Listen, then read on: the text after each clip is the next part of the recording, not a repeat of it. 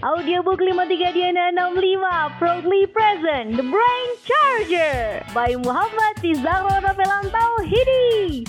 Let's start!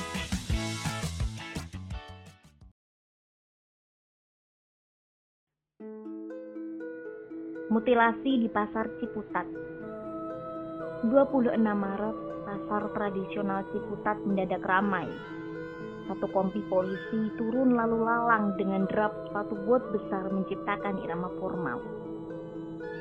Semua mata masyarakat tertuju kepada beberapa potongan tubuh dan sebuah kepala manusia yang tergeletak pada salah satu meja pedagang ikan. Kepala itu berwajah perempuan. Keadaan pasar yang becek tak menghalangi niat warga untuk membanjiri kejadian heboh tersebut. Awan mendung melingkupi kepala warga yang berjejalan ingin melihat kondisi sesungguhnya. Tak terkecuali orang dewasa. Anak-anak pun tampak semangat mendatangi lokasi pembunuhan, seraya menutupi hidung dan mulut kecilnya untuk melihat potongan bangkai manusia korban mutilasi teronggok di kerumuni lalat. Melihat gelagat pengunjung yang semakin liar, pihak berwajib langsung menjulurkan garis kuning bertulis polis line. Mohon masyarakat minggir, beri kami ruang, garis polisi, garis polisi. Tegas orang polisi berpangkat sersan mewanti-wanti warga yang tengah mencuri-curi pandang. Kapolres Tangerang Selatan yang berseragam abu-abu datang 15 menit kemudian. Ia tampak gagah mengenakan kacamata hitam Bau parfum maskulin menyeruak. Penampilannya nyaris sempurna. Andai tidak ada balutan lumpur di samping sepatu botnya.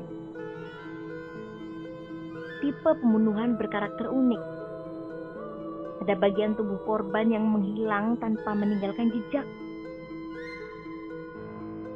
Di pasar Ciputat ini hanya ditemukan beberapa potongan tubuh dan kepala korban yang dicukur botak. Sedang tangan, kaki, dan bagian lainnya nyaris tidak diketahui keberadaannya. Ah, seram, rintih warga mendesah. Bulu kuduk mereka meremang. Seorang ibu berkerudung langsung menutup hidung bocah perempuan yang sedari tadi digendong menggunakan sehelai kain batik miliknya. Awan mendung menggelayuti pasar Ciputat lalu lintas mendadak macet. Suara keras juru parkir mengatur lalu lintas menemani suara klakson mobil silih berganti. Tidak satu dua pengguna jalan memarkir mobilnya untuk menyaksikan secara langsung peristiwa sadis itu dari jarak dekat. Diputat macet total. Kendaraan mengekor hingga 2 km menuju Pamulang. Orang-orang dengan kartu identitas pers dan kamera terpanggul menerobos kerumunan warga. Mereka menyiarkan secara langsung kejadian ini dari tempat mutilasi. Kru televisi nasional yang tersambung dengan mobil berparabola berkeliaran mencari posisi untuk melaporkan. Reporter berseragam biru itu lantas memungkaskan kalimatnya dengan raut wajah tak percaya. Baru kali ini ada pelaku mutilasi yang juga. Menghabisi rambut korban? Ungkapnya seorang wanita berkulit bersih berwarna gading bermata agak sipit mencuri-curi kesempatan untuk mendapatkan informasi tentang kejadian itu. Sebuah jaket hitam menutupi tubuhnya memanjang hingga mencium tulang kering. Sisi kerahnya menjulang ke atas mengelilingi leher dan ujung pipinya, persis seperti orang Eropa di musim dingin.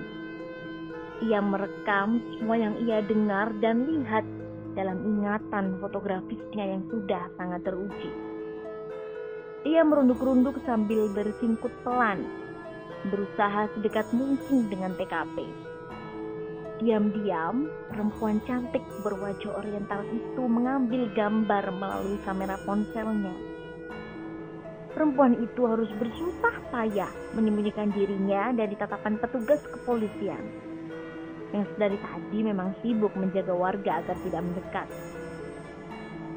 Ketika melihat petugas sedikit lengah di satu sisi, perempuan itu menerobos polis lain. Cepat kilat, ia mengambil gambar sebanyak mungkin sebelum ada satupun petugas yang menegurnya untuk kembali keluar batas polis lain. Sebenarnya, dia sedang berusaha menyembunyikan diri dari semua mata yang memandangnya kagum sejak awal kehadirannya di situ. Ya, siapa yang bisa lengah melihat seorang Anisatu Lexa Meteorika gadis cantik yang menyabet gelar mahasiswa terbaik di Universitas Islam ternama itu di tahun pertama ia masuk kampus. Tanpa embel-embel gelar penghargaan pun, apa yang melekat pada wajah dan tubuhnya telah memesona siapa pun yang memandangnya. Berjarak 10 meter dari kerumunan wartawan, seorang polisi terlihat berlari kecil menerobos kerumunan warga. Lapor komandan, menurut para mahasiswa, korban adalah seorang mahasiswi Fakultas Psikologi Universitas Islam Bangsa semester akhir. Korban bernama Intan Kemala Dewi, kini tengah mengerjakan skripsi tingkat akhir untuk kasus skizofrenia. Hmm, baik, terima kasih.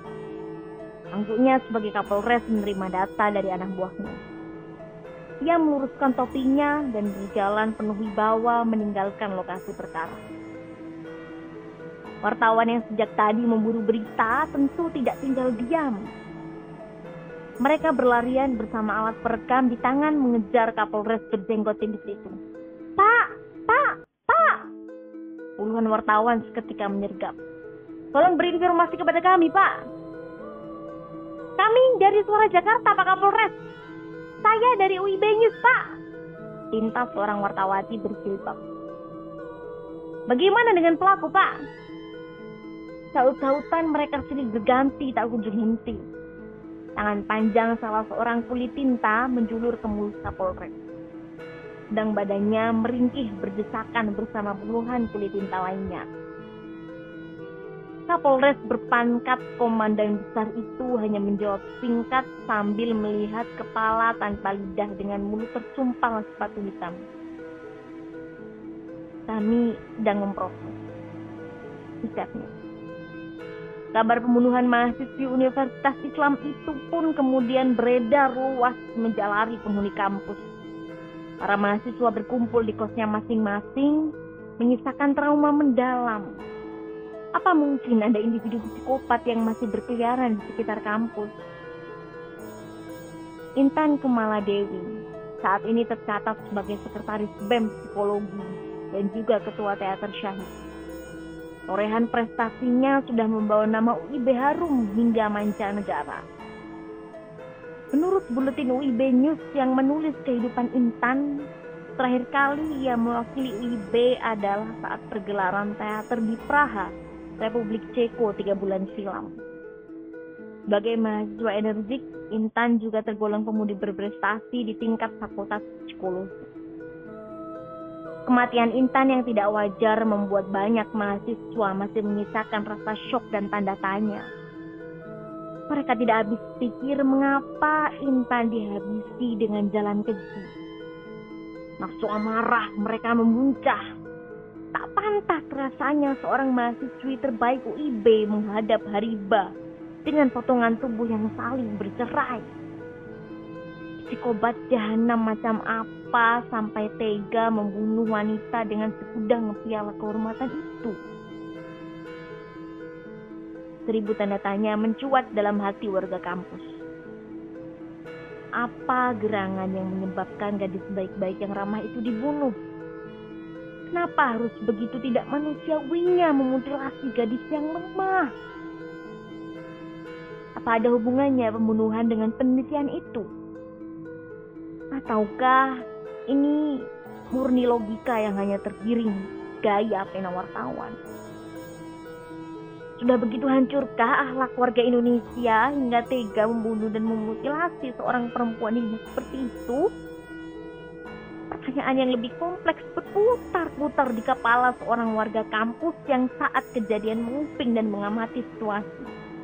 Namanya Muhammad Rizki Ramadan, mahasiswa Fakultas Ilmu Dakwah dan Ilmu Komunikasi